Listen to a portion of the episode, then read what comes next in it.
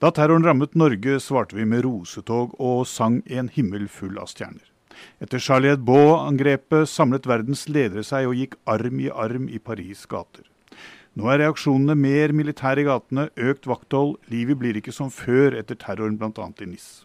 Mitt navn er Alf Olask, og det er virkningen av terroren på vårt dagligliv her i Europa som er tema for denne podkasten. Med meg i studio har jeg kollega Kristina Pletten og korrespondent Silje Rønning Kampesæter er i Amman og er med oss eh, på Skype. Og Kristina, både du og jeg var i eh, NIS. Hva var forskjellen på hvordan folk reagerte på terroren denne gangen og det vi har sett tidligere i eh, Europa? Nei, altså jeg vil si at det er en markant uh, stemningsendring, hvis man kan kalle det det. Uh, folk uh, jeg snakket med, fortalte stort sett det samme. At med en gang de så folkemengdene komme løpende, så tok de skjul.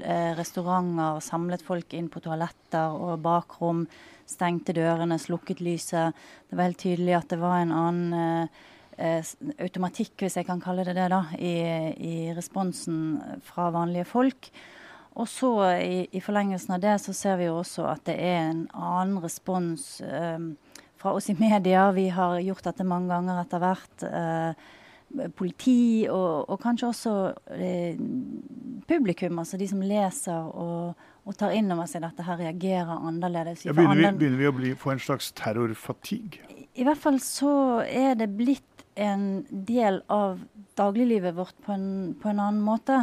Og vi merker det også fra, fra leserne våre at, at, kanskje at vi må vinkle sakene annerledes. Vi må fortere over i et annet spor. Um, vi så det samme etter Brussel i, i påsken. Um, sånn at og så vil jeg også si dette at det mest markante er jo kanskje dette sinnet. da, At sorgen er på en måte eh, lagt litt bort. Og det er nå en, en veldig eh, aggresjon og det er et veldig raseri i den franske befolkningen som var veldig sånn påtagelig. Det skal vi komme tilbake til og snakke litt mer om seinere. Men Silje, du bor i Amman. Du har bodd eh, flere steder i Midtøsten, Istanbul. Eh, du har bodd tidligere i Betlehem. Eh, dette er jo et område som virkelig eh, folk, folk virkelig har fått venne seg til, eh, til terroren. Hvordan arter liksom dagliglivet seg eh, for folk som bor under den type terrortrussel som vi nå mer og mer må venne oss til i Europa? Ja, det er, det er, ganske stor forskjell mellom eh, sånn som nå når jeg bor i Amman, hvor eh, det er veldig Det regnes jo som en sånn type safe haven i en region fylt av mye krig og konflikt og terror. Eh, så, sånn som her, så er det ikke så veldig mye Folk reagerer ikke så veldig mye på ting. De er klar over at de har urolige naboer og, og er vare på det, men bortsett fra det så går hverdagslivet sin vante gang. Men jeg vil si sånn, når jeg bodde i Istanbul i fjor, så og det kom i økende grad angrep mot da, Ankara, og nå i det siste har det vært masse eh, flere steder. Og det er klart at det, der ser man også en sånn type jeg vet ikke. Det er, det er et land som er vant med, med en borgerkrig f.eks. mellom kurderne og, og, myndighetene, eller PKK. Og det så jeg f.eks. når jeg var i Ankara i oktober eh, i fjor, det angrepet som drepte 103 mennesker. Eh, og så dro vi inn til byen rett etterpå, noen timer senere, og da gikk ting sin vante gang igjen. Men betyr, eh, og, men betyr, dette at når du beveger deg ute med, med venner eh, disse stedene, at man hele tiden tenker på terrorfaren og legger den si, inn eh, når man bestemmer seg hvor man skal gå?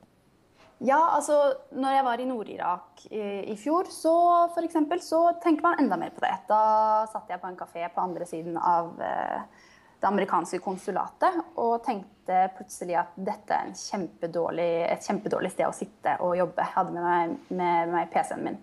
Og, og, noen måneder senere riktignok, så, så gikk det en bombe akkurat der, og kafeen ble sprengt i stykker. Så det er klart, sånne ting tenker man på, eh, spesielt sånne steder.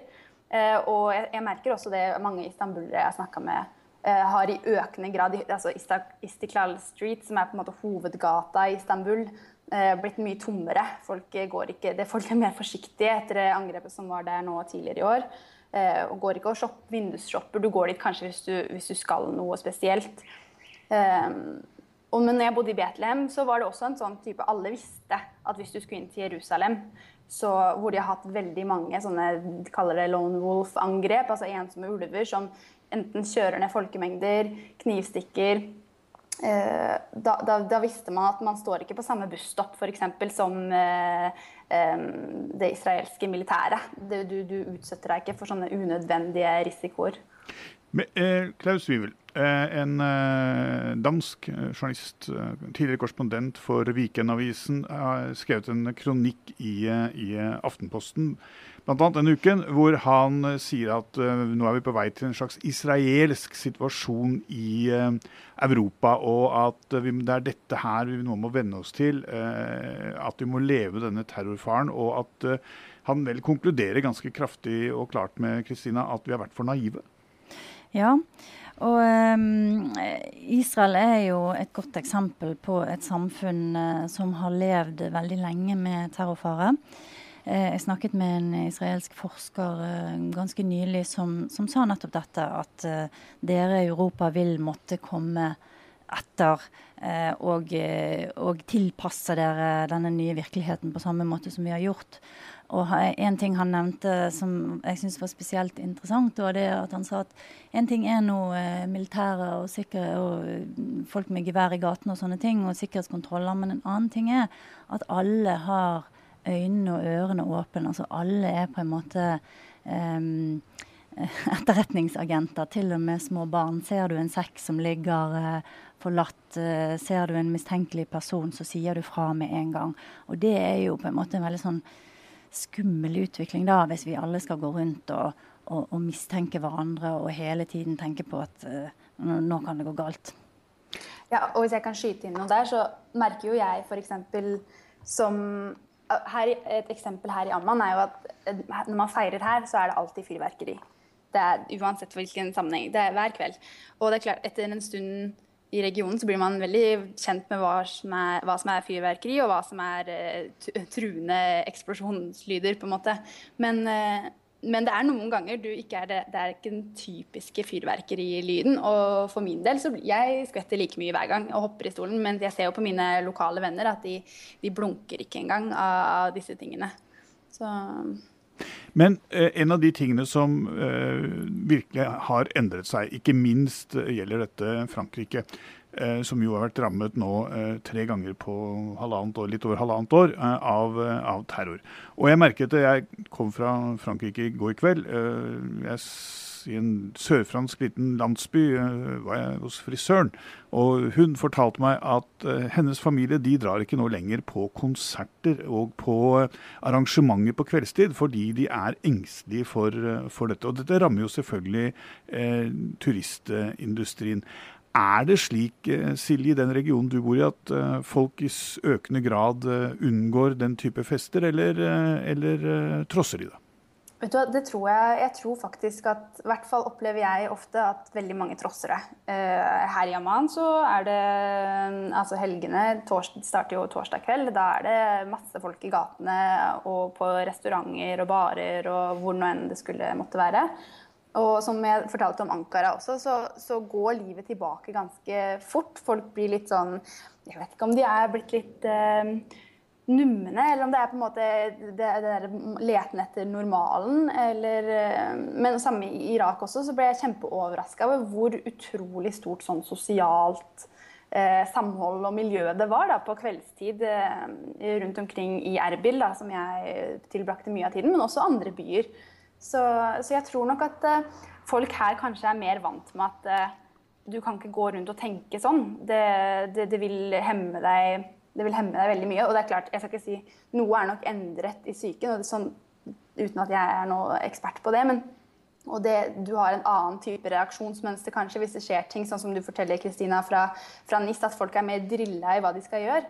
Men bortsett fra det så tror jeg folk er mer eh, mer vant til at vi, vi kan ikke stoppe opp livet ved, selv om. Men nå skal det vel sies også at europeere, og særlig vi i Nord-Europa, har jo et helt annet forhold til sikkerhet enn det eh, folk i Tyrkia f.eks. har. Vi har jo eh, sikkerhet overalt. Sant? Altså Ungene springer rundt med hjelm, og vi har setebelter. Og vi har eh, et samfunn som er så gjennomtrygt og sikret At uh, jeg tror at for oss så blir dette her kanskje enda sterkere da, at vi plutselig skal risikere ikke bare at barna faller og får en kule i pannen, men at Altså en kule i pannen, men en kule i pannen.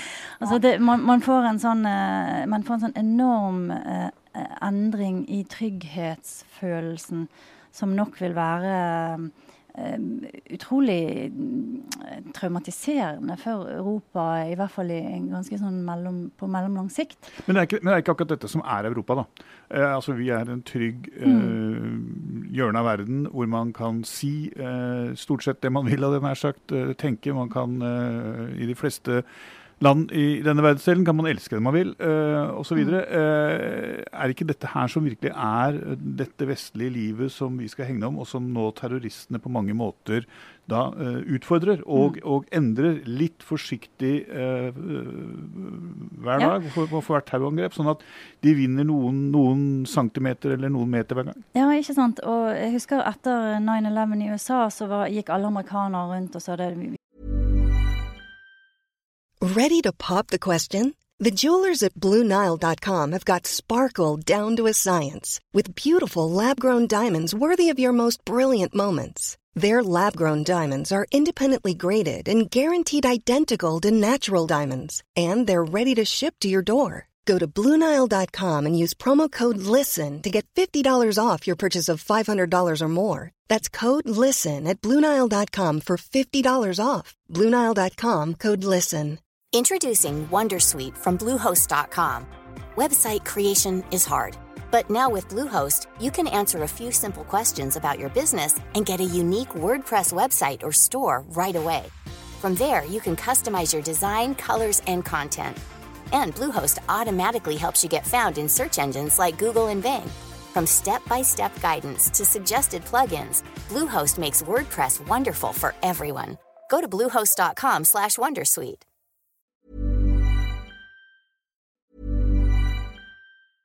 Introducing Wondersuite from Bluehost.com. Website creation is hard, but now with Bluehost, you can answer a few simple questions about your business and get a unique WordPress website or store right away. From there, you can customize your design, colors, and content. And Bluehost automatically helps you get found in search engines like Google and Bing. From step-by-step guidance to suggested plugins, Bluehost makes WordPress wonderful for everyone. Go to bluehost.com/wondersuite. skal ikke gjøre sånn og sånn because then the terrorist will win.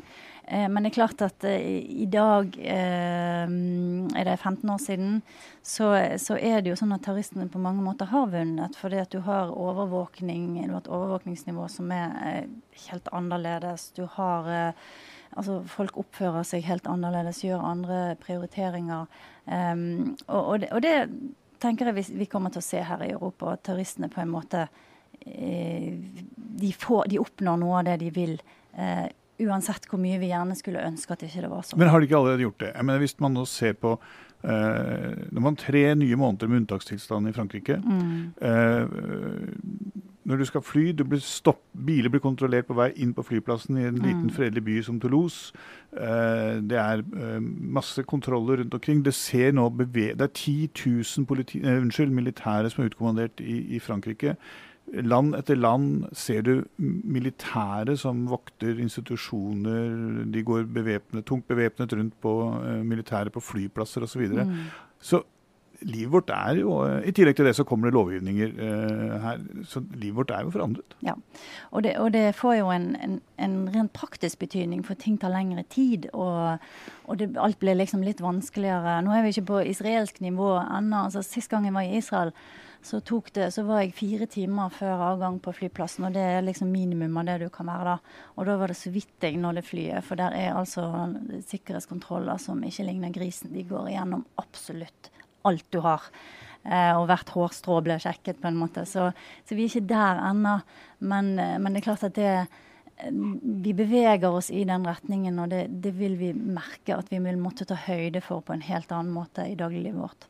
Men én ting er hva som skjer i denne demokratiske delen av verden. Men Silje, jeg kom eh, rett hjem fra For at Tyrkia etter eh, militærkuppet og eh, Erdogan, presidenten i, i, i, Tyrkia, har jo brukt hele terrortrusselen til å på mange måter eh, demontere deler av det tyrkiske demokratiet. Og det han gjør nå, eh, med utgangspunkt i militærkuppet og eh, terrorfaren, er jo liksom nesten å fjerne, fjerne resten av det.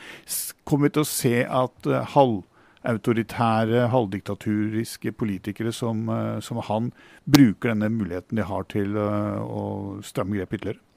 Ja, Det tror jeg er et veldig godt poeng. Og sånn som han Klaus uh, Wivel også skrev i, i, det innlegget sitt, er at Sånn som at den israelske venstrefløyen, f.eks. en konsekvens av intifadaen var at den gikk i opp, oppløsning. og at, den, at, det er vanskeligere å, å komme sammen om sånne type hva skal jeg si, framtidsløsninger. Det vil alltid være folk som utnytter sånne situasjoner. Og han har nå eh, eh satt til side deler av den europeiske, europeiske, menneskerettighetskonvensjonen. Men han kan ikke få så mye kritikk for det, fordi eh, Frankrike har, har gjort eh, på en måte det samme. Unntakstilstand, som dere nevner. Og, og, du ser jo det samme i Europa, at, at eh, høyresiden er på, på fremmarsj.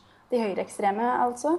Og, og det, det, samme vil nok skje i Tyrkia. Flere av de jeg snakker med, sier at uh, det tar nok ikke lang tid nå før Erdogan får uh, den endringen i grunnloven han, som han da er ute etter, sånn at han endelig får uh, den makta, utøvende makta som han har lyst på.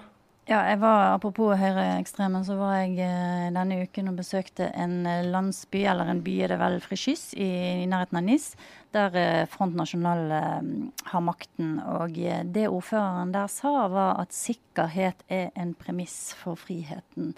Og det er jo en, på en måte å snu demokratiske prinsipper på hodet, da. At mm. man man først må tolerere overvåkning, eh, militarisering av, av all infrastruktur osv. Eh, og så kan man liksom eh, ha demokratisk frihet. Så, så, så, det er på en måte en, en helt ny måte å tenke på eh, når det gjelder eh, særlig den europeiske samfunnsmodellen. Som, det blir veldig spennende og interessant og litt skremmende å se hvordan utviklingen vil gå fremover. Ja, og jeg synes En av de tingene som er utrolig viktig å huske på, er at uh, hva er målet til terroristene, sånn som IS? som, som, de ønsker å beklager, skape splid. Mm. Og en video som nå har uh, sirkulert veldig mye i sosiale medier, er en video fra NIS hvor folk uh, har, legger ned blomster og, og, minnes de som ble drept. Hvor noen kommer bort og, og roper til en kvinne Uh, dra tilbake til hjemlandet ditt. Og hun sier hjemlandet mitt er Frankrike, det er her jeg er født. Hvor er det du mener jeg skal reise? Og den tingen der, altså akkurat det elementet der, det er noe som går igjen, tror jeg. Og, og det skaper mer splid mellom folk. Og det, da, på den måten så har de vunnet. Vi har ikke snakket uh, så mye om et spørsmål som er ganske betent. Og det er uh, hva kan, hadde nær sagt, det islamske miljøet selv her i Vesten gjøre for å bidra til å demme det? Er, det er jo ingen som vil bleime dem, for å si det sånn, for, for det som skjer, selvfølgelig. De, de, de, de er helt uskyldige i, i, hva, hva, hva uh, gale fundamentalister kan få seg til å gjøre. Men, men har de ikke også et ansvar for å være med og skape eh, og, og, opprettholde det, liberale samfunnet som eh, Europa er? Altså Dette er jo en diskusjon som dukker opp hver gang det er terrorangrep. Og der er på en måte to skoler eller to leirer i dette. her. Det er, de, eh, det er, den ene siden som sier at nå må muslimer ut og ta avstand og gå i demonstrasjonstog. Og så kommer den andre siden og sier at uh, vi kan ikke henge disse terrorangrepene på en hel religion og en, og en hel gruppe av befolkningen. Um, men rent bortsett fra den, og, det, og dette skaper en veldig sånn polarisering og en, en, veldig sånn lite produktiv debatt, syns jeg, da, som ikke kommer noen vei. Men uh, det som kanskje er nødvendig, er at man beveger seg litt forbi uh, dette her å kaste skyld på hverandre og, og konsentrerer seg om å skape trygghet og åpenhet. Og da er det nok viktig at også muslimske miljøer kommer resten av befolkningens bekymring i møte, uansett om de syns at den bekymringen er rasjonell eller ikke, så er den der. Og den skaper splid, den skaper problemer. Og det tror jeg at vi må bare ta inn over oss, at, at sånn er det nå. Og vi, vi, kan ikke se bort ifra det og late som det ikke eksisterer. Hvordan har reaksjonene i eh, Du som følger med på de offisielle reaksjonene i Midtøsten, eh, Silje. Hvordan har reaksjonene der vært på, på disse terrorangrepene i, eh, i Europa her, som sjokkerer også veldig? Eh, ja, godt spørsmål. De dekkes jo i nyhetene på samme måte som de dekkes i, eh, i, Europa. Men det er klart at eh, mediebildet her preges jo av mer enn nok andre ting i tillegg. Så, så selv om våre forsider er dekket med det her dag inn og dag ut rett etter et angrep, så er det andre ting som også opptar mediene her i like stor grad. Eh, så det er klart at det er en litt annen type balanse, kanskje, kan man si, enn det, enn det vi har f.eks. med det som skjer i Syria, Jemen og ja. Og så er, det vel også litt, så, så er det vel også litt slik at det skjer faktisk en del eh, ganske grusomme terrorangrep, angrep på sivile i Midtøsten som knapt dekkes eh, her, dersom det ikke er vestlige som er innblandet. Nettopp. Så det er jo en sånn klar frustrasjon fra folk over, over denne her. Og det, det, ser man hver gang det kommer et angrep i Europa. Så fylles min Facebook og min Twitter-feed av, av, folk som er frustrert over at ja, husker du dette angrepet som skjedde forrige uke i Bagdad? Eh, hvor, hvor, er alle oppslagene om det?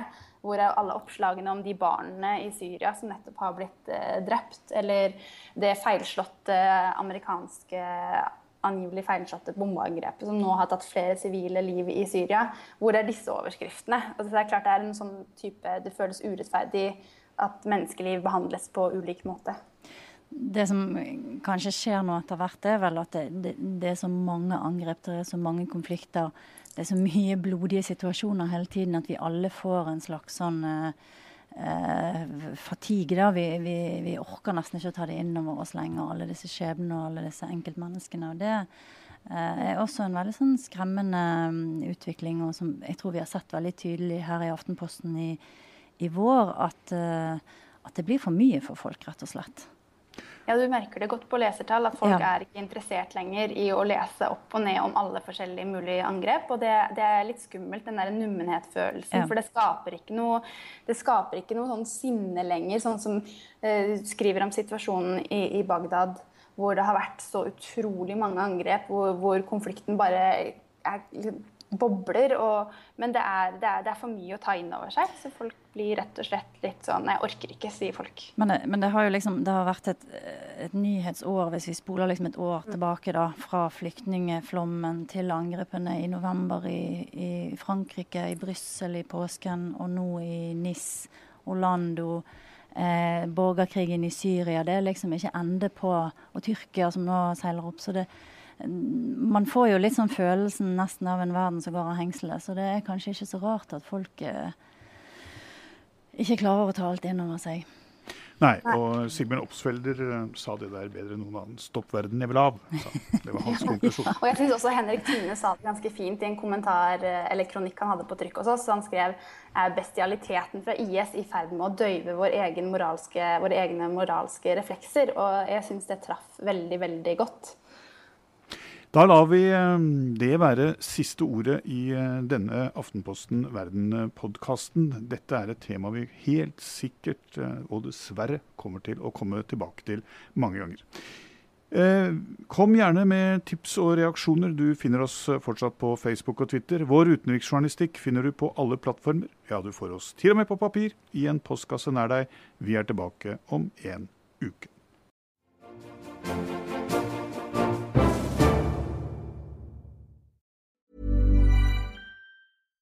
The number one selling product of its kind with over 20 years of research and innovation. Botox Cosmetic, out toxin A, is a prescription medicine used to temporarily make moderate to severe frown lines, crow's feet, and forehead lines look better in adults. Effects of Botox Cosmetic may spread hours to weeks after injection, causing serious symptoms. Alert your doctor right away as difficulty swallowing, speaking, breathing, eye problems, or muscle weakness may be a sign of a life threatening condition. Patients with these conditions before injection are at highest risk. Don't receive Botox Cosmetic if you have a skin infection. Side effects may include allergic reactions, injection site pain, headache, eyebrow and eyelid drooping and eyelid swelling. Allergic reactions can include rash, welts, asthma symptoms, and dizziness. Tell your doctor about medical history, muscle or nerve conditions including ALS or Lou Gehrig's disease, myasthenia gravis, or Lambert-Eaton syndrome and medications, including botulinum toxins, as these may increase the risk of serious side effects. For full safety information, visit BotoxCosmetic.com or call 877-351-0300. See for yourself at BotoxCosmetic.com.